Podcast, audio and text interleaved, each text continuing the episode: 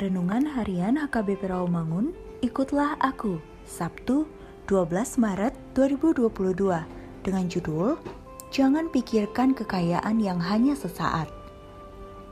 Bacaan kita pada pagi ini tertulis dalam Matius 15 ayat 21 sampai 28 dan bacaan kita pada malam ini tertulis dalam Markus 13 ayat 14 sampai 23 dan kebenaran firman yang menjadi ayat renungan kita hari ini ialah Markus 10 ayat 26 sampai 27 yang berbunyi mereka makin gempar dan berkata seorang kepada yang lain Jika demikian siapakah yang dapat diselamatkan Yesus memandang mereka dan berkata Bagi manusia hal itu tidak mungkin tetapi bukan demikian bagi Allah sebab segala sesuatu adalah mungkin bagi Allah.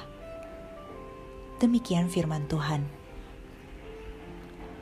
Barangkali kita bertanya-tanya mengapa perkataan Yesus ini begitu mencengangkan para murid. Ketercengangan mereka ditekankan dua kali dalam nats di atas.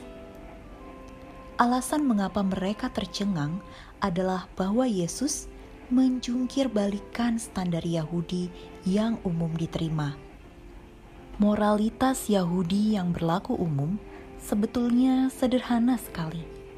Tentu saja, para murid terkejut karena Yesus mengatakan alangkah sukarnya masuk ke dalam kerajaan Allah. Tidak ada seorang pun yang pernah melihat bahaya kekayaan materi dengan lebih jelas sebagaimana yang Yesus sendiri lihat. Orang yang memiliki banyak materi cenderung memberikan hatinya kepada dunia ini karena banyak yang dipertaruhkan di dalam hidupnya di dunia.